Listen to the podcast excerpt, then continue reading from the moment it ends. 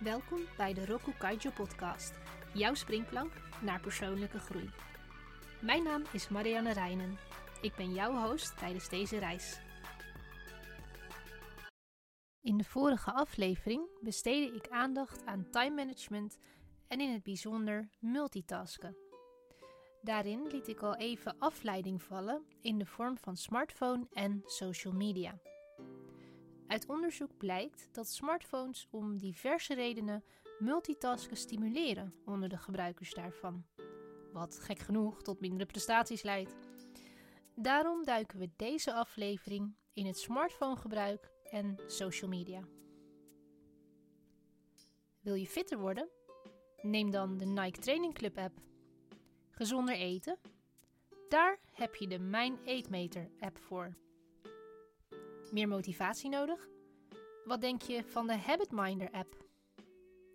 Contact hebben met familie, vrienden, kennissen of totaal onbekenden?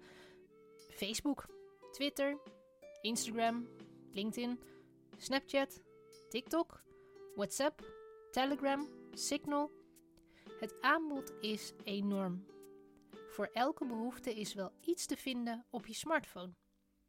Met één druk op de knop is het binnen handbereik. Lekker makkelijk, toch? Manfred Spitzer, een Duitse neuroloog, noemt de smartphone ook wel het Zwitserse zakmes van het digitale tijdperk. Vernuftig stukje technologie dus.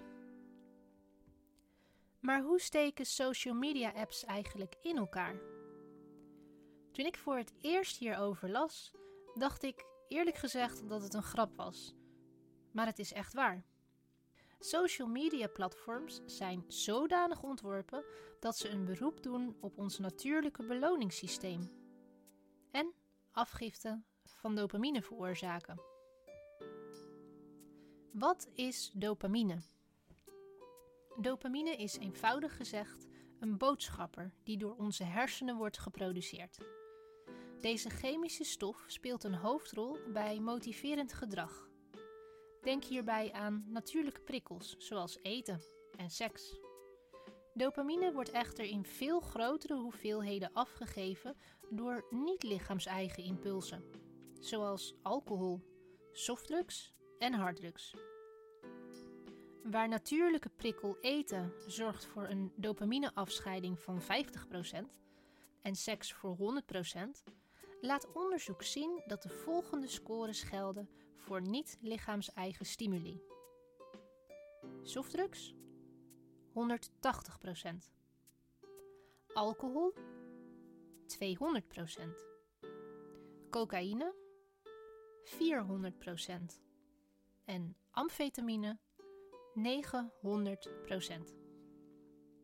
Deze cijfers parkeren we even. Hoe werkt dopamine? Kort gezegd, het beloningssysteem wordt geactiveerd zodra er een beloning is ervaren, veroorzaakt door een stimulus, bijvoorbeeld een hap eten nemen.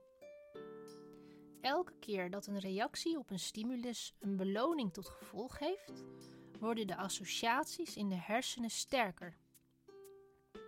Fysiologisch betekent dat dat gebruikte verbindingen tussen hersencellen sterker worden, door de intensiteit te verhogen waarmee ze reageren op bepaalde stimuli. Hoe zit het met dopamine en social media? Interessant is dat dopamine niet alleen vrijkomt wanneer we genieten van eten of een speciaal biertje, maar ook wanneer we succesvolle sociale interacties hebben. Wellicht niet zo sterk als bijvoorbeeld bij cocaïne of amfetamine, maar het gevolg is hetzelfde. Het gedrag dat eraan vooraf ging, wordt versterkt. Cognitieve neurowetenschappers hebben aangetoond dat sociale stimuli dezelfde beloningsroutes activeren. Of dat nu lachende gezichten zijn, al dan niet in de vorm van smileys, positieve herkenning door onze leeftijdsgenoten of berichten van dierbaren. Smartphones hebben ons voorzien van een vrijwel onbeperkt aanbod van sociale prikkels, zowel positief als negatief.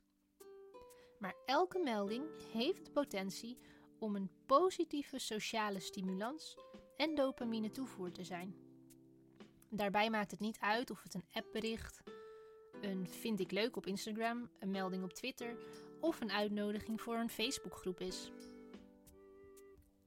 Geloof het of niet, er is sprake van een strijd om onze tijd.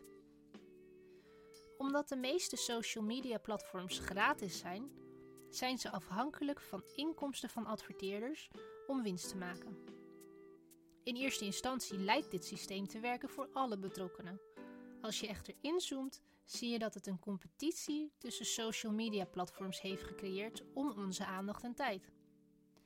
De bedrijven die deze competitie zullen winnen, zijn diegenen die hun product het beste gebruiken om de kenmerken van de beloningssystemen van de hersenen te benutten.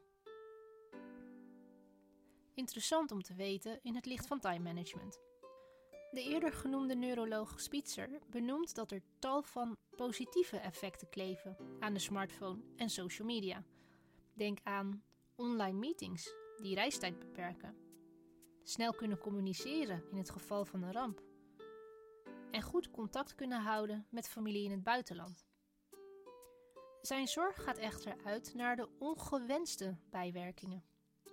Negatieve gevolgen die niet meteen merkbaar zijn omdat ze zich traag ontwikkelen. Daarover meer in de volgende aflevering, waarin de donkere kant van een overmatig social media en of smartphone gebruik wordt belicht. Onder andere zullen we het dan hebben over eenzaamheid, depressie en verslaving. Roku Kaijo's weektip. Doe grondig zelfonderzoek. Hoe sta jij er eigenlijk voor? Hoe is jouw smartphone en social media gebruik? Deze week wil ik jou aanmoedigen om jouw schermtijd te monitoren. In de meeste smartphones zit een speciale app. Ja, dat klinkt in dit geval wat tegenstrijdig. Of een functie onder instellingen, waarin jij jouw zogenaamde digitale welzijn kunt volgen. Deze functies geven vaak duidelijk inzicht in welke tijd jij het meest aan welke apps besteedt. Ik ben heel erg benieuwd naar jouw uitkomst. Deel deze dan ook gerust met me. Mijn contactgegevens vind je in de beschrijving van deze aflevering. Wil je direct je schermtijd terugdringen? Probeer dan het volgende.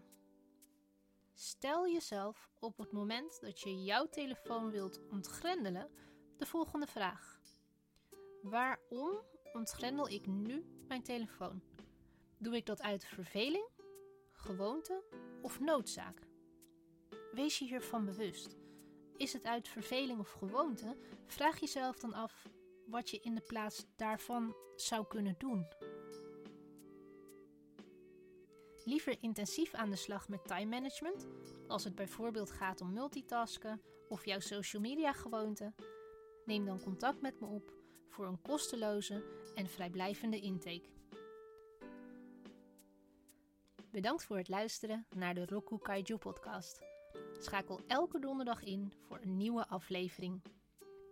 Meer informatie en het laatste nieuws vind je op de website roku-kaijo.com.